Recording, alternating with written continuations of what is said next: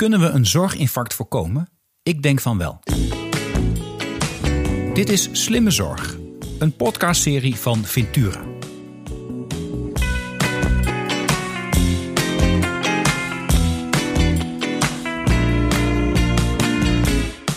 Mijn gasten van vandaag zijn Leonie Vorasjen en Carl Verheijen, de directieleden van Stichting Healthkick. Healthkick is opgericht door de Nobel Foundation, Mensis en PGGM en wordt ondersteund door Alles is Gezondheid, de Bernard van Leer Foundation en het ministerie van VWS. Leonie heeft grote ervaring in het organiseren van transities in de zorg. Bij Healthkick is dat ook haar focus, maar niet namens één van de spelers in het zorgsysteem, maar domein overstijgend ten behoeve van alle regionale spelers in het veld van zorg en gezondheid.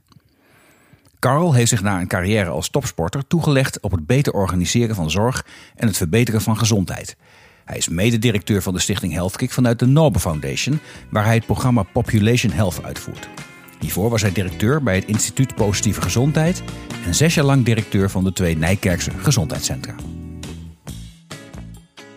Welkom eh, Leonie en Carl voor het eerst, nou, dit is voor mij ook een experiment. Uh, geen slimme zorgpodcast in een één op één, maar een, uh, een, twee op één of één op twee. Ik weet niet hoe ik dit moet noemen. Dus nou, als het helemaal uit de klauwen giert, dan komen de klachten vanzelf binnen op de mail. Reacties zijn overigens altijd welkom voor deze podcast. Uh, maar ik heb al vertrouwen in dat, dat, dat dit gaat lukken. Dus we laten het experiment maar eens aangaan. En ook aan jullie de vraag, en dan zie ik wel wie hem als eerste beantwoordt. wat is slimme zorg? Ja, we hebben daar echt goed over nagedacht van tevoren. Um, maar ik zie zorg niet alleen als zorg, maar ook in de combinatie met gezondheid. Mm -hmm. Dus voor mij is het geheel, het hele continuum van gezond zijn en, en soms uh, zorg uh, nodig hebben. En uh, ons idee van sl slimme zorg is dat we met elkaar gaan kijken hoe we de goede zorg die we op dit moment leveren in Nederland en die nog steeds beter kan, kan zijn of slimmer kan zijn, kunnen continueren en kunnen vormhouden, vormgeven de komende jaren voor heel Nederland. Mm -hmm. Dus hoe kunnen we die toegankelijkheid, die kwaliteit en de betaalbaarheid van de goede zorg die we op dit moment hebben, uh, garanderen voor de toekomst. Oké. Okay. En kun je dan, op de, dan kun je dus niet op dezelfde manier door. Als kijk naar getallen van het RIVM, dan zie je zo'n enorme toename in zorgvraag. En het Centraal Planbureau rekent dan door hoeveel extra mensen je zou nou moeten aannemen in de zorg. Dat zijn 135.000 per jaar als je, als je niet zou veranderen. Dan lijkt mij dat je die toegankelijkheid niet kunt waarborgen. Nee, dat klopt. Dus wij hebben nagedacht van wat, wat kan je doen om of die zorg wel goed te kunnen leveren, om te, of om te kijken of we iets minder zorg nodig zouden moeten hebben.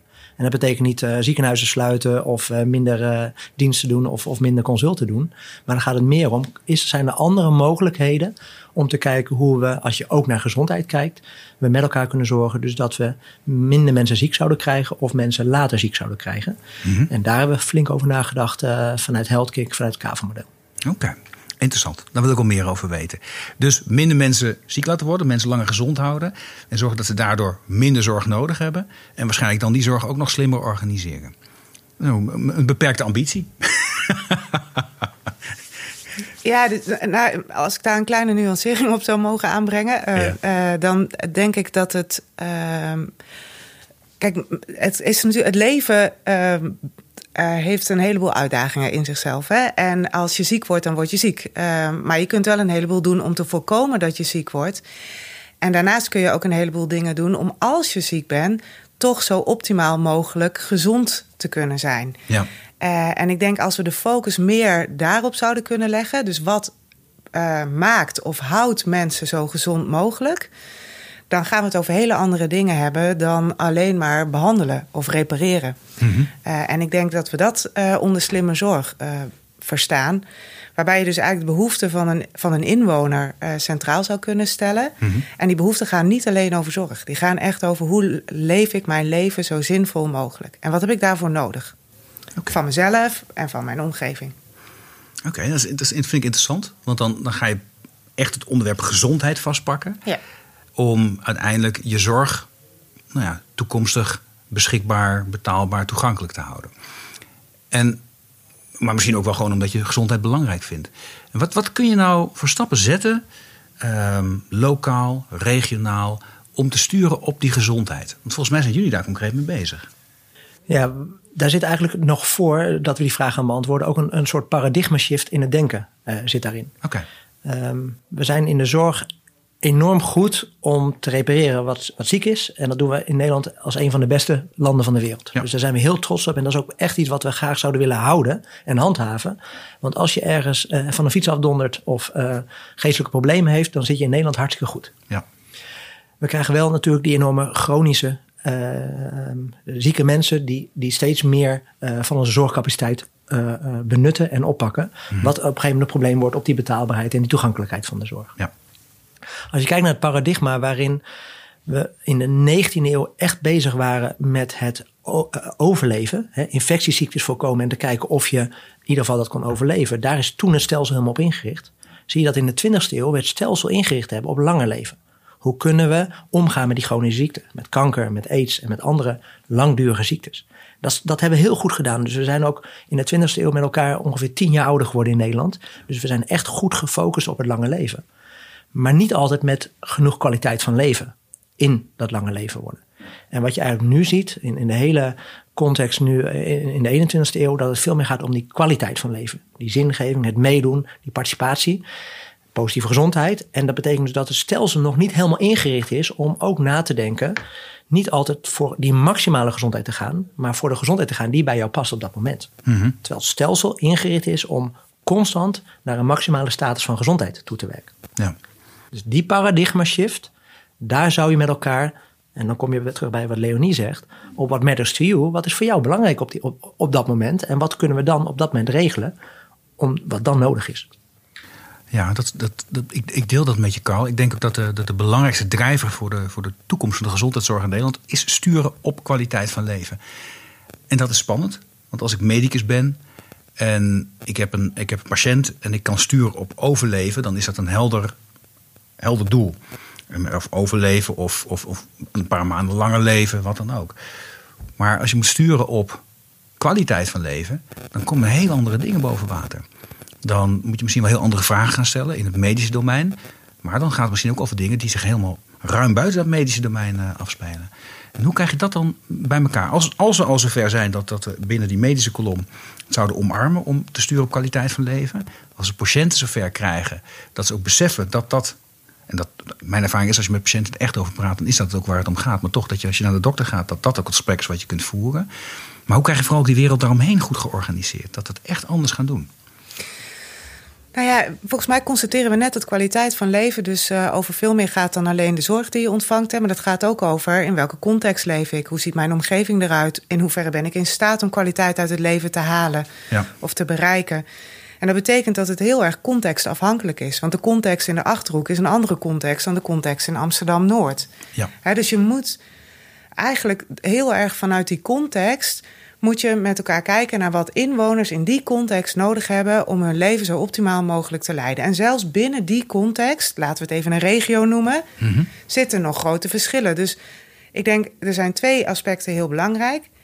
Ik, wij zijn er dus van overtuigd dat je echt op regionaal niveau dan dingen anders moet organiseren, omdat het een regionale context is mm-hmm. die daarin uh, belangrijk is. En zelfs binnen die regionale context moet je nog gaan kijken naar wat de, wat de, verschillende, uh, wat de, wat de verschillen zijn zeg maar, in de populatie. Mm-hmm. Dus we, we, moeten wel een beetje omarmen dat het niet een one-size-fits-all uh, aanpak is. En ik denk, als je zo'n regio dan met elkaar verantwoordelijk wil maken voor de gezondheid in die regio of voor de inwoners en hen zo optimaal mogelijk aan die kwaliteit van leven wil laten werken, dan zul je wel uh, partijen daarin ook een gezamenlijke verantwoordelijkheid moeten kunnen geven. Of anders gezegd, zij moeten die verantwoordelijkheid samen willen nemen. Want ja. anders, dan, uh, anders dan ga je er niet komen.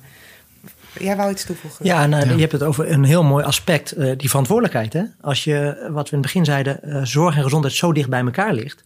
In Nederland hebben we de, de, de verantwoordelijkheid voor zorg heel goed belegd met elkaar. Ja. Maar de zorg, of de, sorry, de verantwoordelijkheid voor gezondheid is eigenlijk niet centraal of regionaal of bij iemand belegd. Een stukje publieke gezondheid bij de gemeente. Maar eigenlijk is ieder mens verantwoordelijk voor zijn eigen gezondheid. Als je dan niet de goede context hebt, of je goede leefomgeving, of de gezondheidsvaardigheden hebt om daar goed mee te dealen en te healen, dan is het heel erg lastig om die verantwoordelijkheid ook daar neer te leggen. En wat wij dus op zoek zijn, als je dus met elkaar die goede zorg wil blijven garanderen, de toekomst, of je dus gezondheid met elkaar kan organiseren, maar ook de verantwoordelijkheid daarvoor met elkaar kan beleggen. Ja. Het is wel een. eh, Want eh, eh, gezondheid, ehm, merk ik, wordt heel vaak verward met preventie. En preventie wordt vaak heel eng ingeschoten als alleen maar leefstijlinterventies. Hè, Ja. Zoals bewegen, eten en dat soort dingen. Terwijl wij het hier echt over iets anders hebben dan alleen maar preventie. We hebben het echt over hoe krijg je in een regio het nou voor elkaar dat alle partijen in die regio gezondheid centraal stellen. En dan hebben we het niet alleen over de aanbieders, maar we hebben het ook over de inwoners en over eh, de bekostigers. Dus hoe ga je nou met elkaar vanuit dat nieuwe paradigma werken? Dus hoe, we hadden het er net even in de voorbespreking over. Eigenlijk zou je met elkaar een nieuwe waarde centraal moeten stellen. En als die waarde gezondheid is, wat betekent dat dan voor de afspraken die je met elkaar moet maken? Welke rechten en plichten heb je dan en wat mag je van elkaar verwachten daarin? Nou, dat klinkt allemaal heel ambitieus en heel abstract. Dat kan ik me heel goed voorstellen. En tegelijkertijd eh, zijn we het gewoon aan het doen. We zijn gewoon in een regio nu die gesprekken aan het voeren met partijen. En we gaan kijken naar hoe kun je daar dan ook gezamenlijk die verantwoordelijkheid voor nemen. Wat heb je daar dan voor nodig om dat daadwerkelijk te gaan doen? En wat, wat vraagt dat eigenlijk van jullie als partijen? Want dat vraagt dat je in een verandering of op een andere manier gaat kijken naar eh, hoe je aanbod georganiseerd is. Of welke vraag er eigenlijk is. En waar wij heel sterk voor staan, is dat we die vraag van die inwoner eigenlijk voortdurend centraal stellen. Dus die What Matters to You vraag in de regio, die moet centraal staan. En daaromheen gaan we met elkaar organiseren wat het organiseren moet. Dus het is wel spannend. Het is namelijk ook heel erg subjectief wat je aan het doen bent.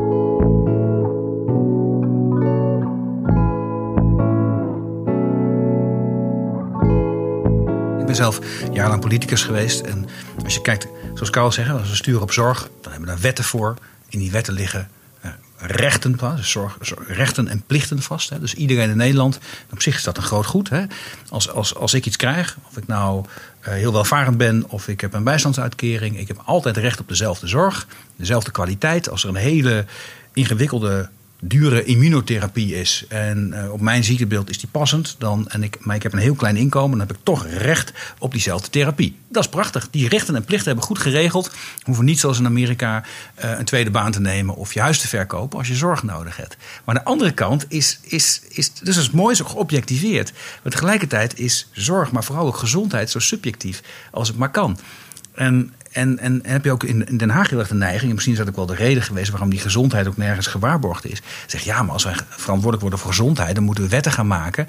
En die, en die gaan geheid een soort one size fits none worden, want dan moeten we daarop zien te en- sturen. En dat wil je volgens mij ook helemaal niet. Nee. Je, kijk, je, d- dat goede recht, hè, die, die, dat, dat wat we hebben in Nederland, dat is ook echt een van onze drijfveren om te zorgen dat we dit voor elkaar moeten krijgen. Maar je zit inderdaad aan, aan die gezondheidskant nog veel breder te kijken dan naar preventie. Ja, want eigenlijk gaat slimme zorg vaak over secundaire of tertiaire preventie. Als je kan kijken wat je kan toevoegen aan het zorgproces in leefstijl en met Bravo-thema's en andere thema, eh, eh, onderdelen van leefstijl. Maar het gaat ook vaak over juiste zorg op de juiste plek. Dus hoe kan je zorgen dat je in de hele keten de juiste zorg op de juiste plek van de juiste persoon kan, kan ontvangen. Ja. Maar waar wij eh, over praten zijn, is nog een andere soort van preventie. En dat is dat je ook tussen de verschillende do- domeinen, welzijnsdomein, sociaal domein en zorgdomein, kan schakelen om met elkaar de goede zorg en goede gezondheid te leveren. En nog een stapje dieper, en dat heeft met positieve gezondheid te maken, is kan je met elkaar voor zorgen dat je op een andere manier die waarde van gezondheid centraal staat. Dus dat het veel meer gaat over dat je ertoe doet en dat je erbij hoort en dat je van waarde bent. En dat er dat voor zorgt dat je uiteindelijk niet naar die maximale zorgvraag hoeft toe te gaan. Dus er zitten verschillende niveaus in Ja. van dat gezondheidsdenken. Oké. En dan en dat, dat laatste niveau, hè? ik doe ertoe en, en, en, en dat, dat draagt bij aan mijn gezondheid. En dit vind ik belangrijk in mijn context. Dat is precies wat jij net noemde, Leonie.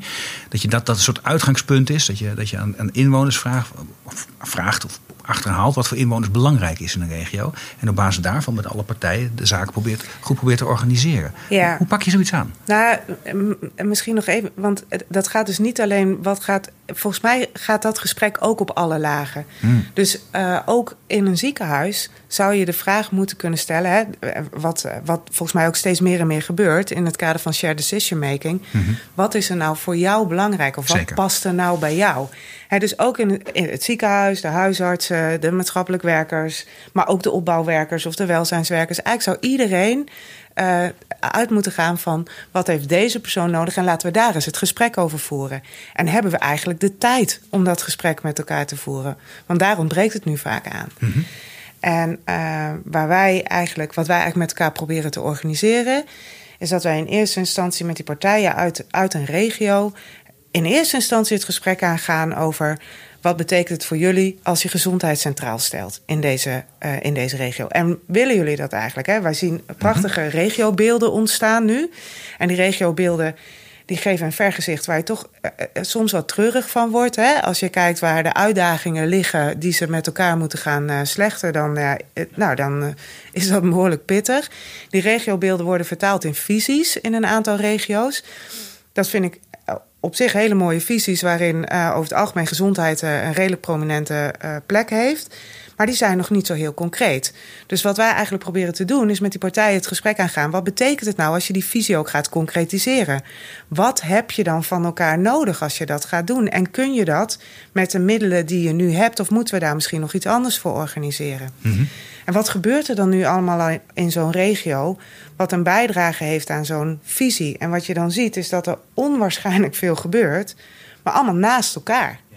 Ze vertellen niet het verhaal vanuit eenzelfde uh, uh, perspectief, zeg maar. Iedereen vertelt het verhaal vanuit zijn eigen programma of zijn eigen organisatie of zijn eigen. En het is altijd nog heel erg vanuit een zorggedreven uh, perspectief. Ja. Dus eh, wat doen wij nou concreet? Ja, wij, wij hebben eigenlijk met een aantal. Wat we eigenlijk eerst gedaan hebben, is gekeken. Is er in Nederland überhaupt. Uh, zijn er in Nederland gebieden te detecteren waarvan je zou kunnen zeggen dat er uh, voorwaarden aanwezig zijn om een veranderd traject met elkaar in te gaan? We hebben gekeken naar buitenlandse voorbeelden en eigenlijk zag je daar overal een aantal randvoorwaarden of een soort preconditions zag je aanwezig zijn die te maken hadden met de mate van urgentie de mate van samenwerking, lef en leiderschap en gedeelde visie. Dat okay. was eigenlijk wat je overal kortweg zag. En wij hebben via een kwalitatieve en kwantitatieve analyse gekeken naar Nederland. En daar kwamen een aantal gebieden uit die ongelooflijk rood kleurden als het ging om urgentie. Mm -hmm. Er waren ook een aantal gebieden die heel mooi opkleurden, zeg maar, als het ging om samenwerking of om gedeelde visie. En wij zijn de gesprekken aangegaan met die regio's, met een aantal belangrijke stakeholders uit die regio's. En we hebben eigenlijk gewoon gevraagd van, goh, waar zitten jullie in het proces? En wij denken dat we jullie zouden kunnen helpen als we iets toevoegen aan uh, dat wat jullie nu aan het doen zijn. Want wij denken dat je echt die beweging kunt maken naar meer gezondheid. En in het verlengde daarvan minder meer kosten als het gaat om zorg. Als je toevoegt dat je op een andere manier met elkaar de zaak gaat organiseren.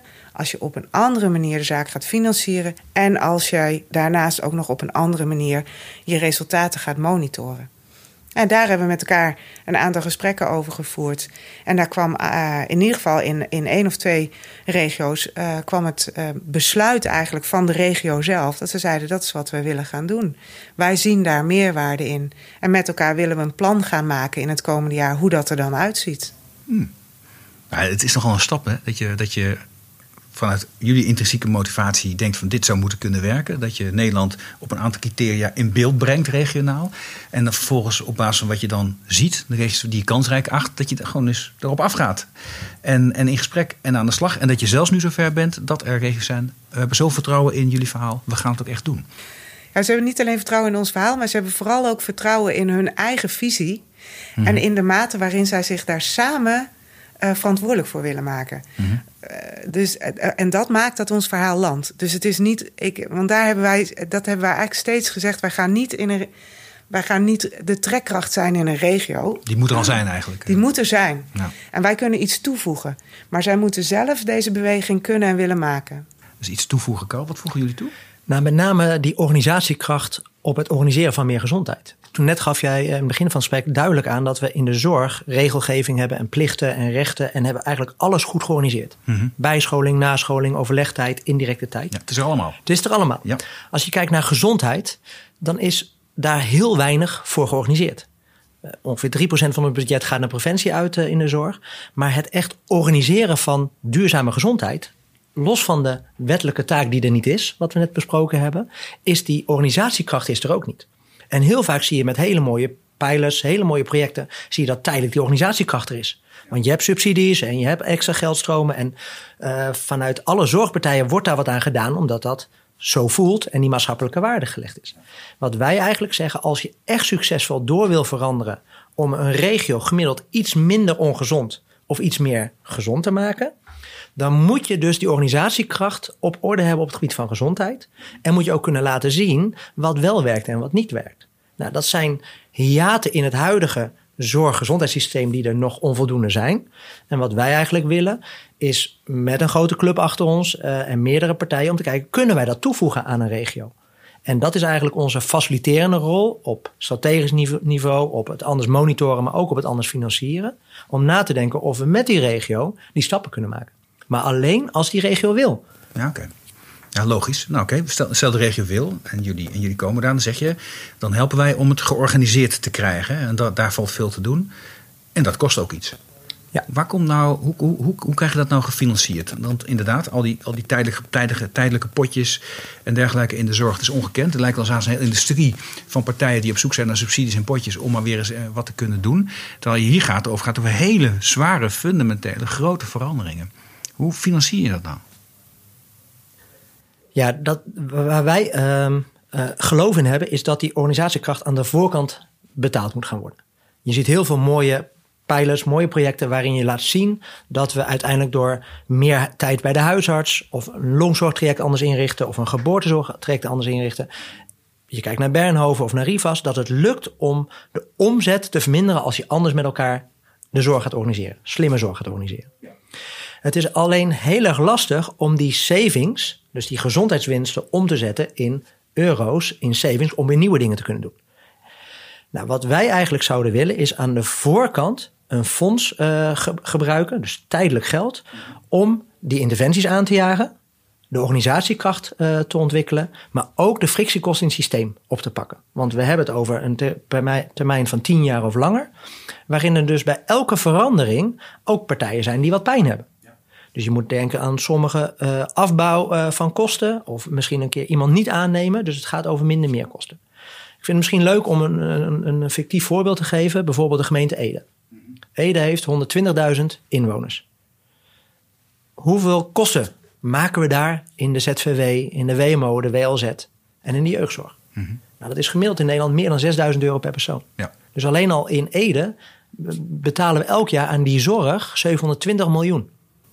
En als je kijkt naar Prinsjesdag, dan stijgt dat naar dik 900 miljoen over vijf jaar. Ja, en dan hebben we nog niet eens over de jeugdzorg, hè? want die zit nog verstopt ergens in het gemeentefonds en een stuk van de ouderenzorg. Maar laten we dat, nou ja, laten we dat meenemen. Ja. En ons idee is nou, stel je voor dat je met een, een fonds van, dat weten we nog niet exact hoor, maar van 60 of 80 miljoen aan de voorkant van Ede kan mhm. beginnen om uiteindelijk te zorgen dus dat we door interventies in de zorg, in de care, in het welzijn, op die nieuwe waarde van gezondheid neer te zetten. Dat we die stijgende kosten niet naar 900 miljoen laten lopen, maar naar 850 miljoen. Mhm. En kunnen we dan die minder meerkosten die we gerealiseerd hebben, eigenlijk voor drie dingen gebruiken? Een stukje teruggeven aan de bekostigers van het systeem. Gemeente, zorgkantoor, zorgverzekeraars, zodat de premies omlaag kunnen. Mhm. Een stukje aan de aanbieders geven die dit met elkaar georganiseerd hebben. En een stukje gebruiken om dat fonds aan de voorkant af te bouwen. Ja. En uiteindelijk een revolving fund, dus eigenlijk een gezondheidsfonds, uh, aan de voorkant of, uh, na, na enkele jaren te gaan organiseren. Waardoor we duurzaam die gezondheid kunnen organiseren. Dat is onze elevator pitch, om het zo maar te zeggen, over de zorg, hoe we dat willen doen. Maar dat lijkt heel makkelijk. Maar als je dan echt kijkt naar hoe dat allemaal georganiseerd is, dan is dat hartstikke moeilijk. Ja, en ik denk dat het goed is om daarbij toe te voegen dat het dus niet alleen maar gaat om het ontwikkelen van nieuwe interventies. Want er zijn al heel veel interventies. Hè? Maar het gaat eigenlijk veel meer om het verbinden van uh, dat wat er al is en wat bijdraagt. En ook het durven stoppen met dat wat niet bijdraagt. Nou, precies dat laatste. Ja. En, uh, en wat we daarvoor nodig hebben, is dat er veel meer vanuit een gezamenlijke visie of een, geza een gezamenlijkheid eigenlijk gekeken wordt naar wat er nodig is. Als je nu kijkt naar bepaalde programma's die uh, uh, in de afgelopen vier jaar eigenlijk gestart zijn, hè, bijvoorbeeld kansrijke start of uh, langer thuis. Eigenlijk zie je overal dat er coalities nodig zijn. Hè? Coalities van professionals die met elkaar samenwerken rondom een, uh, rondom een uh, inwoner. Ik, um, mijn vader is in de afgelopen maanden heel ernstig ziek geworden. Hij heeft corona gehad en van alles en nog wat. En wat me opviel, was dat er eigenlijk niemand in dat hele proces zich verantwoordelijk heeft gemaakt voor mijn vader als mens. Maar de ene keek naar zijn blaas en de ander keek naar zijn hart. En een derde keek naar zijn verblijfplaats, hè, want hij zat in een begeleid wonenvorm. En een, en een vierde keek naar de corona. Maar niemand keek eigenlijk naar de mens in zijn totaliteit. Waardoor er ook hele rare, ja, bijna pennywise pound foolish keuzes gemaakt werden in dat behandeltraject. Dus die coalities rondom een inwoner, die vragen een andere vorm van samenwerking van organisaties, vragen ook veel meer indirecte tijd dan dat er nu mogelijk is zeg maar, in het systeem. En dat geldt voor hele jeugdigen, hè, de kansrijke start, 0 tot eh, de eerste duizend dagen. Dat geldt ook voor ouderen, geldt ook voor chronisch zieken. En als wij veel meer die samenwerking zouden kunnen mogelijk maken, waardoor je dus naar, naar die mensen in zijn totaliteit kijkt en van daaruit de juiste keuzes kunt maken, dan zijn we veel meer aan gezondheid bezig dan dat we uh, dat nu doen. Dus gezondheid gaat voor ons. Um, niet alleen over interventies die bijdragen aan meer preventie, gaat ze ook over. Maar ze gaan ook over het mogelijk maken van, van of voor professionals om veel meer rondom die, uh, rondom die inwoner met elkaar die samenwerking te kunnen vinden. Ja, en dan je interventies te coördineren, of ze nou preventief of. Uh, Precies, en dan gaat het dus zijn. over het demedicaliseren van gezondheid. We zijn er niet voor om alles maar in de ZVW te halen en alles vanuit zorg ook op gezondheidsgebied te organiseren. Nee, juist niet. Laat de artsen en de ziekenhuizen en de GGZ doen waar ze heel goed in zijn. En laten we dat zo goed mogelijk blijven doen. Maar daaromheen of daarnaast zou je eigenlijk dus uh, gezondheid op een andere manier willen, willen insteken. En dat is volgens mij wat de combinatie moet zijn. En Leonie gaf het ook eigenlijk, die gelijkgerichtheid in een regio. Dus dat je het, de mensen iets gemiddeld gezonder wil maken. Dat moet volgens mij het doel zijn. En we zijn de laatste jaar uh, uh, tien jaar ouder geworden met elkaar. Maar als je ziet naar de kwaliteit van leven in die tien jaren, die zijn dramatisch slecht.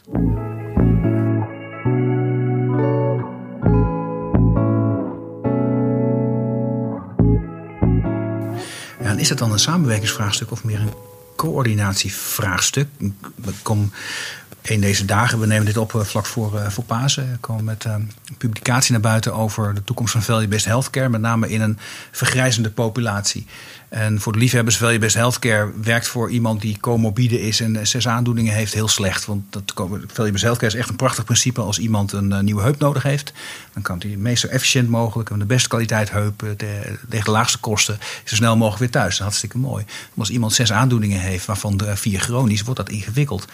En wat, wat wij zeggen dat Ventura zegt, dan moet je toe naar een systeem van value-managed healthcare. Dat betekent dat je die patiënt in het midden hebt staan en dat er ergens een plek is, of een persoon of een club, waarin alle informatie, en holistisch is dat, hè, voor die ene patiënt, wat heeft die patiënt nodig voor de kwaliteit van leven? En die coördineert vervolgens alleen die interventies die ook echt bijdragen aan die kwaliteit van leven.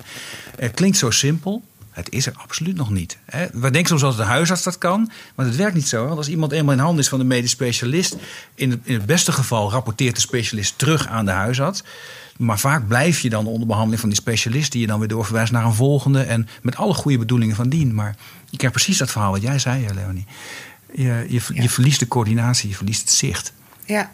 Ja, ik denk, nou ja, goed, ik ben het ongelooflijk met je eens. En ik, uh, wat, wat wij eigenlijk in, met een regio samen proberen te doen, is eigenlijk op drie niveaus proberen we dan uit te werken wat daarvoor nodig is. Dus eigenlijk die population management, hè, mm dus dat stukje. En welke population financiering hoort er dan bij? En dan zeg ik bewust dat dat niet per se populatiebekostiging is. Niet in de breedste zin van het woord, absoluut niet. Maar het kan wel zo zijn dat je op bepaalde populaties met elkaar de bekostiging anders moet regelen. Ja. En het gaat ook over populatiesturing in de zin van dat je moet weten wat je resultaten zijn. En we weten nu vaak wel of we verrichtingen wel of niet hebben gedaan. Hè. Oh, technisch, heel goed, technisch uh, goed uitgevoerd, weten we ja, wel. Ja. Maar, maar wat het resultaat daarvan is op gezondheidsniveau, dat weten we eigenlijk niet. Nee. En die drie dingen, die moeten we in een regio met elkaar gaan organiseren. En wat ik heel belangrijk vind om daarbij te zeggen, is dat dat vanuit een gelijkgerichtheid is, zonder vrijblijvendheid. Dus dit gaat niet op een. Ik, ik heb in te veel proef- of leertuinen gezeten waarin een bepaalde vrijblijvendheid zat. En waardoor het een whole system in the room aanpak werd. Die uh, nergens toe leidde. Hè? Want iedereen ging uiteindelijk toch zijn eigen belang voorop stellen. En dan, dan liep het toch weer weg. Ja. En wat wij heel erg proberen te doen, is, is er echt een, eh, een, een ja, accountability eigenlijk aan te koppelen. Dus je bent echt verantwoordelijk voor de afspraken die je met elkaar gaat maken. En dat betekent dat de change die je maakt in die regio, dat uh, ook de consequenties daarvan de gezamenlijke verantwoordelijkheid zijn. Hm. Dus als een ziekenhuis zich moet gaan aanpassen aan de minder meerkosten die daar uh, georganiseerd gaan worden, hm. dan betekent dat dat het niet zo kan zijn dat dan de gemeente gaat zeggen: ja, maar wij. Wij willen wel het ziekenhuis gewoon zo overeind houden zoals we het nu hebben. Hm. Of, uh, of dus eh, we gaan met elkaar wel uh, op zoek naar wat is er dan aan de voorkant eigenlijk al op zoek naar wat de consequenties zijn en hoe je die met elkaar kunt vormgeven. Ja. Het is geen hypothetisch geval wat je daar schetst. Hè? Het is, Zeker niet. Nee, nee, nee. Want want dit, dat, dat is, dat, het lijkt altijd zo mooi. Als we praten over samenwerken in de zorg. Iedereen wil meedoen. Maar het is, geen, het is een spel met niet alleen maar winnaars. Dat, dat, aanbieders kunnen onder druk komen als je dingen anders gaat organiseren. Dingen worden anders. Dat geven we ook helemaal aan, Arno. Want je wil juist eigenlijk, wat heel vaak gebeurt, dat mooie pijlers of mooie proeftuinen goed van start gaan. En op het moment dat de belangen te groot wordt, of je een van de partijen pijn gaat krijgen, dat andere partijen zeggen: zoek het zelf maar uit. Mm Maar juist in die gezamenlijkheid moet je daar dus ook met, met elkaar omgaan. En wat wij eigenlijk doen, is vooraf, in, in die fase voordat je echt van start gaat, goed deze gesprekken over gaat hebben. Mhm. En dat dat kost tijd, dat heeft organisatiekracht nodig, die er normaal gesproken te weinig is, omdat er geen financiering voor is. Nee. Nou, en dat, dat, dat is precies het verschil wat wij nu met elkaar willen gaan vormgeven. Mhm. In twee of drie regio's, dat je het wel met elkaar aan de voorkant zo kan neerzetten dat je het kan organiseren. En laten we dan met elkaar leren welke interventies, of het een slimme zorg is, of digitalisering, of juist zorg op de juiste plek, of meer, meer sociale cohesie. Wat werkt nou wel en wat werkt nou niet op die populatie? Ja. Ja. Eigenlijk willen we uh, aan de voorkant de randvoorwaarden neerzetten en inregelen zodat je daarna met elkaar een lerend systeem kunt vormen en tien jaar lang kunt leren van de uitvoering. Met de inhoud bezig zijn. Ja. Maar maak je dan aan de voorkant ook niet een soort van, ja, een bevlogen term, sociaal contract? Dat je zegt, we gaan met elkaar op pad. Dit is wat we willen bereiken. Het gaat spannend worden. En iedere keer als het spannend wordt, grijpen we terug naar het begin en zeggen maar: Oh, het is spannend, maar wilden we dit nog steeds? Oké, wat doet mij, doet mij denken aan, uh, aan een interview uh, dat ik mocht doen uh, voor het Value Best Health rapport. Lijkt net of ik er nu reclame voor zit te maken, maar het komt nu in me over, boven. Iemand die in, in Stockholm ziekenhuis daar heel gewerkt heeft aan, aan Value Best Healthcare. En, en dat hele ziekenhuis is daardoor helemaal veranderd. En hoe kregen ze dat voor elkaar? En of het dan 100% succes is, kunnen we het ook nog over hebben. Dat maakt niet uit. Maar hoe hebben ze die verandering voor elkaar te kunnen krijgen? Door één paradigma te pakken van een echt één uitgangspunt te pakken, namelijk patient first. Dus bij elke verandering, elke keer, maar draag dit bij aan dat je die patiënt echt voorop zet. En als het antwoord ja was, dan ging men door. En als het antwoord nee was, dan deden ze het niet.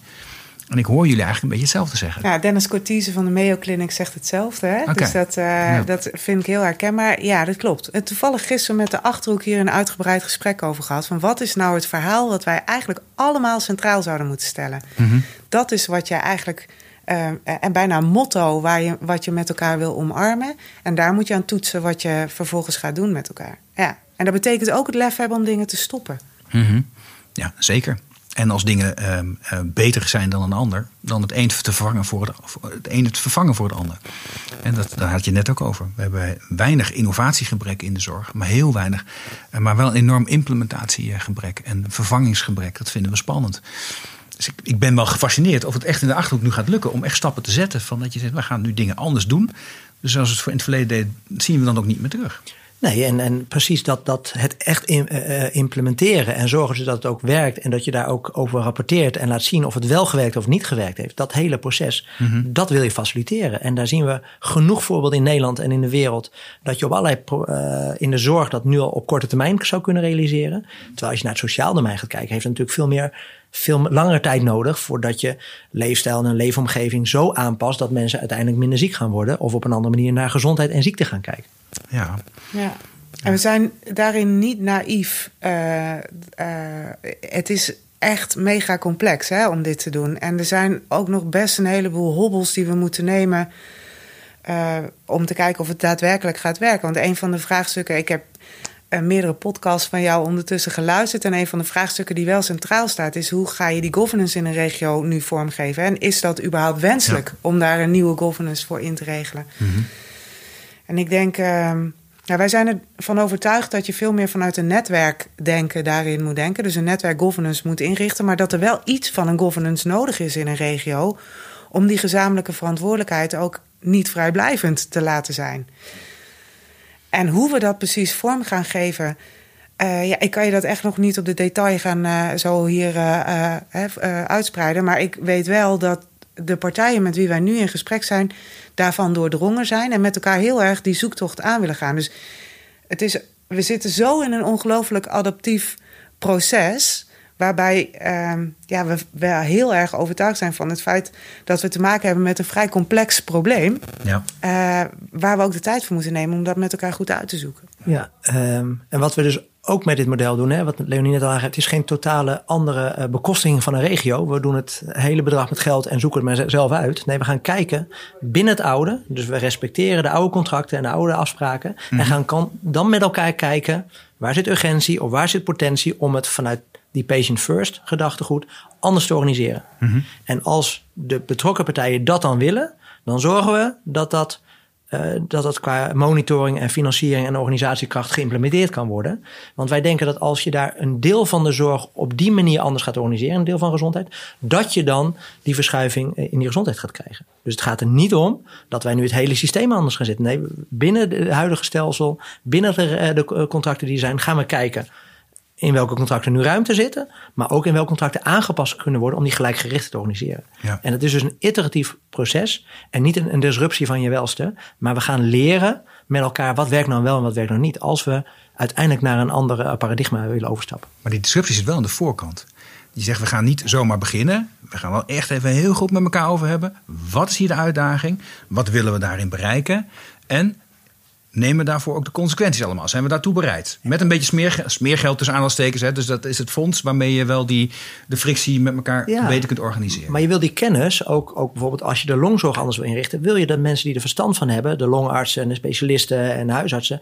ook hun vakantiegelden kunnen betalen... om mee te denken hoe die zorg anders georganiseerd moet worden. Ja. En dat is denk ik wel wat we anders doen. Dat wij vooraf, voordat we een go geven echt met elkaar gaan nadenken van hoe zou het proces er anders uit moeten zien? Hoe gaan we dat organiseren met elkaar? Wat is de governance? Als het goed gaat, wat doen we dan met die savings? En mocht het slecht gaan of anders uitkomen, wat doen we dan met elkaar?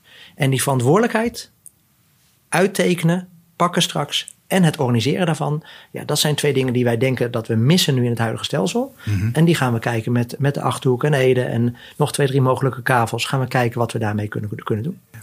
En Leonie, gaf al aan, daar heb je ook een stuk governance voor nodig. Of nee, je moet iets organiseren met elkaar.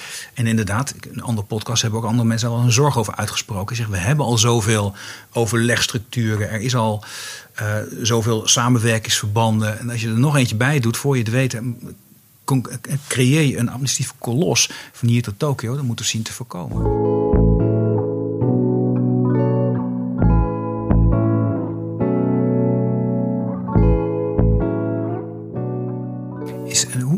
Je dat nu in deze voorkomen? Of kun je misschien ook al dingen opruimen als je het juist op deze manier gaat organiseren? Nou ja, dat laatste is denk ik uh, aan de orde. Want als ik nu kijk in de regio's waar wij uh, mee spreken, dan zijn er eigenlijk al heel veel van dat soort overlegtafels. Dus we sluiten eigenlijk over het algemeen aan bij bestaande gremia. En je ziet in meerdere regio's zie je nu al partijen zich op een bepaalde manier verenigen. Mm bijvoorbeeld uh, Zoetermeer 2025 vind ik een mooi voorbeeld... waarin ze eigenlijk een vereniging hebben opgericht... Hè, mhm. om met elkaar aan een gedeelde ambitie te gaan werken. Dus dat zijn, dat, dat, dat, je ziet op, op steeds meer plekken zie je dat soort uh, uh, bewegingen ontstaan... waardoor andere overlegtafels of andere gremia eigenlijk niet meer nodig zijn. Um, dus ik, ik vraag me af of het nou zo heel erg veel extra uh, administratieve romslomp of bureaucratische romslomp gaat opleveren. In die end denk ik namelijk dat het veel meer gelijkgerichtheid gaat uh, opleveren, waardoor je een heleboel andere dingen kunt laten. Minder gedoe. Minder gedoe, maar, maar daar. Uh, het is een beetje vergelijkbaar met wat wij ook wel eens zeggen over de huisarts. Hè. Die huisartsen hebben we iedere keer en uh, de consultduur is iedere keer verkort. Hè, waardoor de doorverwijzing naar de tweede lijn toenam. En wat je hier ziet ook is, we, we proberen te drukken eigenlijk. Hè, niet meer erbij, niet meer van hetzelfde. Dus we proberen aan de voorkant proberen we te drukken op van alles en nog wat. Terwijl eigenlijk zou je aan de voorkant zou je eens even flink moeten investeren in hoe je dit goed moet neerzetten, zodat je op de lange termijn daar de meeste effecten van krijgt. En die investering aan de voorkant, daar hebben we nu vaak de middelen niet voor. En daarvan zeggen wij, ja, daar zou je dus even zo'n financiële injectie voor die kavel in moeten kunnen brengen. Ja. En dat is er over het algemeen het meest spannende aan. Hè? Omdat er dan eigenlijk een soort van extra geldstroom die kavel in komt. En dat is mhm. natuurlijk spannend voor de huidige bekostigers. Dat begrijp ik als geen ander, denk mhm. ik. Maar tegelijkertijd is dat wel dienend aan de doelen van iedere bekostiger. Dus als je daar met elkaar de juiste doelen vervolgens op kunt formuleren, dan denk ik dat het juist heel erg helpend is aan ieders uiteindelijke ambitie. En misschien is het ook wel fijn hè, voor de bestaande partijen. Want vaak wordt nu de verzekeraar aangekeken om te financieren in zo'n regio. Gebeurt, er worden heel veel projectgelden en worden ingestopt, maar te weinig toch fundamenteel. Vaak toch te kortdurend. Uh, en, en, de, en de taakomschrijving van de verzekeraar is niet onbeperkt. Een verzekeraar mag niet onbeperkt geld op tafel leggen. Nee. Die zorgverzekeringswet die, die, die, die, die, die, die, die, die, die herkent zo zijn restricties. Die staat het ook niet toe. Uh, Dat is ook niet hun formele rol. En, maar daardoor zie je wel uh, dat, dat sommige verzekeraars, hè, mensen staan hier volledig achter, achter dit model om te kijken of in hun drie, twee, drie, vier regio's we dit met elkaar kunnen organiseren. Want die, die stappen los van hun zorgverzekeringsrol echt op die maatschappelijke rol. Maar ik begrijp andere zorgverzekeraars die hier misschien iets minder feeling hebben ook heel goed. Hè? Want, want je kan wel in preventie of in gezondheid of het anders organiseren gaan organiseren. Maar hoe ga je de kosten ook uit het systeem halen? Want je ziet hele mooie voorbeelden van valpreventie, van longzorg, van meer tijd bij de huisarts. Dat de omzet daalt. Dus dat door het betere gesprek en minder diagnoses, minder verwijzingen en minder uh, pilletjes nodig zijn. Alleen hoe haal je die kostendaling die erbij zit ook uit het systeem. Want als je kijkt naar een ziekenhuis, die heeft nog steeds zijnzelfde personeel, dezelfde specialisten, dezelfde verpleegkundigen. Hetzelfde gebouw. Hetzelfde gebouw, met een inflatiecorrectie. Dus hoe ga je met elkaar dus ook los van de omzet die kosten uithalen? En daarvan hebben wij gezegd, als je dat van tevoren met elkaar afspreekt. En ook de partijen die dus die kosten kunnen afbouwen, het comfort geeft dat dat kan. Dan denken we dat je een oplossing hebt. Want anders krijg je met hele mooie gezondheidsinterventies, digitale interventies, uiteindelijk minder volume, maar die kosten gaan er niet uit. En dus gaat een zorgverzekeraar, want daar begonnen we mee, er niet voor betalen. En, misschien, en, dan, en dan is het eigenlijk een soort langdurig transitiegeld dat je ter beschikking stelt. Eh. Precies. En is dat effectief om die kwaliteit en toegankelijkheid met elkaar te garanderen voor de toekomst? Nee, ik, moet, ik moet denken aan een, aan, een, aan, een, aan, een, aan een voorbeeld waarin dat niet het geval was. Um, ik, voor Marlene, ken je dat, ken je dat dan nog wel goed? Hè? Dat is het klassieke voorbeeld van die huisarts in... Um, in, in, Afferden. ja, in Afferden. Die, die meer tijd kregen. En uh, dat, het idee vanuit VGZ was, als we de huisartsen meer tijd geven, dan zul je, dan zul je zien dat heel veel klachten bij die, bij die, bij die huisarts blijven. Misschien wel sneeuw voor de zon verdampen, in ieder geval minder, minder verwijzingen plaatsvinden. En die pilot die was heel succesvol. echt heel succesvol. Maar die is gestopt omdat er aan de andere kant van de rivier een ziekenhuis in de problemen kwam. En die had weer verwijzingen nodig. Nou, dit is niet helemaal één op één, maar dat had absoluut verband met elkaar. En dat is natuurlijk buitengewoon pijnlijk. Dat, de, dat, de, dat de financier van die pilot, die daar heel enthousiast ook is over het resultaat, tegelijkertijd ook te maken heeft met andere belangen, die ook van groot belang zijn. En dat brengt mij bij, bij, bij het vraagstuk: als je gaat veranderen in een regio. Dan, kan het, dan, dan raakt dat ook zorgaanbieders, dat raakt ook het zorgaanbod, dat verandert. Nee, ben je nou in staat om, om inwoners van zo'n regio voldoende mee te nemen in de verandering die voorop staat? Dat je niet straks al die veranderingen doorgaat en dat er in één keer dan een actiecomité opstaat en zegt: ja, maar ons volwaardige ziekenhuis is nu verdwenen en dat is een schande. Nou, ik denk twee reacties op jouw verhaal. Wij kennen Hans-Peter Jong allebei heel goed. En ik ben betrokken geweest bij de pilot. Dus ik ken hem van binnen en van oh, dan buiten. ken je nog veel beter dan, eh, dan ik had gedacht. Um, en uh, kijk, wat Hans-Peter heeft laten zien is uh, prachtig. Maar ook redelijk uniek, omdat uh, Hans-Peter uh, niet zeg maar de gemiddelde huisarts is. Hè? Dus Hans-Peter heeft een enorme intrinsieke motivatie om mhm. dit te doen. En wat hij heeft laten zien, en dat vond ik er heel krachtig aan, is dat als je er maar genoeg energie in stopt, dan is het opschaalbaar. Want je kunt dat wat hij doet, kun je dus ook aan andere huisartsen uitleggen. Maar daar moet je tijd in investeren. Mm Nou, dat heeft hij laten zien. En de pilot is niet helemaal gestopt. Hij is alleen niet verder opgeschaald. Omdat het, uh, omdat het inderdaad een impact ging hebben op het, uh, op het ziekenhuis. Maar wat ik uh, daar zo ehm, tekenend aan vind eigenlijk, is dat VGZ een hele goede reden had om dat niet te doen. Omdat zij ehm, met het ziekenhuis eigenlijk en vanuit hun zinnige zorgstrategie dat ziekenhuis ook heel erg nodig hadden, hebben. Ja, ja, oké. En Pantijn ziekenhuis is daarin gewoon als regioziekenhuis een belangrijk ziekenhuis. Eh, alleen waar het misgaat, is dat partijen vaak niet de tijd hebben om goed aan elkaar uit te leggen waarom ze de keuzes maken die ze maken. En dan wordt er op basis van aannames. Worden er eigenlijk, eh, nou ja, ontstaan er misverstanden. En, en dat is zo jammer, want in die end heeft iedereen namelijk hetzelfde doel. Maar zou je nou eens de tijd kunnen nemen om dat met elkaar goed te doordenken en goed uit te leggen en goed te bespreken? Dan zou je misschien veel meer op dezelfde lijn zitten als dat je aan de voorkant dacht. Dat is één. En als je daar ook nog je inwoners in mee kunt nemen, want dat was jouw specifieke vraag. Want ook met in, voor inwoners geldt heel snel de neiging. En die ken ik zelf. Ik kom uit de Noordoostpolder. Nou, daar, is, eh, eh, de- hè, daar zijn de ziekenhuizen redelijk verdwenen. En dat vond ik vreselijk. Maar in die end hebben ze daar best wel hele goede zorg nu ook. Maar het is eh, meer dat het gesprek niet aan de voorkant met de inwoners is gevoerd. Waardoor er eh, opstand ontstond. In plaats van dat het onmogelijk is. Dus ik zou veel meer willen investeren in het veel meer betrekken van alle partijen bij de keuzes die je maakt. Of, of de, de keuzes waar je voor staat, laat ik het zo zeggen. En dat gesprek voeren vanuit een gezondheidsperspectief in plaats van vanuit een zorgperspectief. Dus de vraag is dan niet: hebben we het ziekenhuis hier nodig? Maar de vraag is: wat hebben we nodig om zo goed mogelijk gezond te blijven hier? Ja. En hoe ziet dat er dan uit? Dan krijg je hele andere antwoorden. Als je dat met elkaar zou kunnen doen, dan denk ik dat er veel meer ruimte is voor verandering. Ook de verandering waar we met elkaar voor staan om de zorg eh, toegankelijk en betaalbaar te houden, dan dat dat nu het geval is, omdat iedereen het vanuit zijn eigen silo en vanuit zijn eigen belang aan het organiseren is. Ja, het is heel fundamenteel dat je zegt. En je moet echt het gesprek voeren. Mensen ook meenemen naar die toekomst. Wat heb jij nodig? Waar maak je zorgen over? Hoe kunnen we dat beter organiseren? En juist op die manier dan ook waarborgen dat datgene wat mensen nodig hebben, dat dat er ook is. Dus ook hier shared decision making. Dat Ja, is eigenlijk. maar dan wel op een collectief niveau. Collectief niveau. Dat is het. En dat is wat wij anderen. Wij, wij doen het echt op collectief niveau. En niet op bilaterale afspraken tussen een bekostiger of een, of een, eh, een aanbieder. om te kijken hoe ze de zorg zinniger kunnen neerzetten. of goedkoper of meer digitaal. Hoe kunnen we dat collectief pakken? En wat hier ook doorheen speel- speelt, denk ik, is dat als je het innovatieve wil doen, omdat we iets meer gezondheid willen organiseren, waardoor we de zorg goed kunnen, kunnen blijven betalen, hè, want dat is on- ons doel, dan zit daar dus een, een culturele kant aan en een infrastructurele kant. Hè. Dus bij elke innovatie kijk je naar het kunnen en naar het willen. Ja. En het willen, dan heb je dus die populatie nodig en de, de bestuurders nodig en de organisaties nodig en de professionals nodig. Want als je een professional vraagt, hoe kan dit anders, dan komen ze met ideeën genoeg. En aan de andere kant moeten dan, als die ideeën er allemaal zijn, moet de infrastructurele kant, het kunnen kant, moet dus goed geregeld zijn.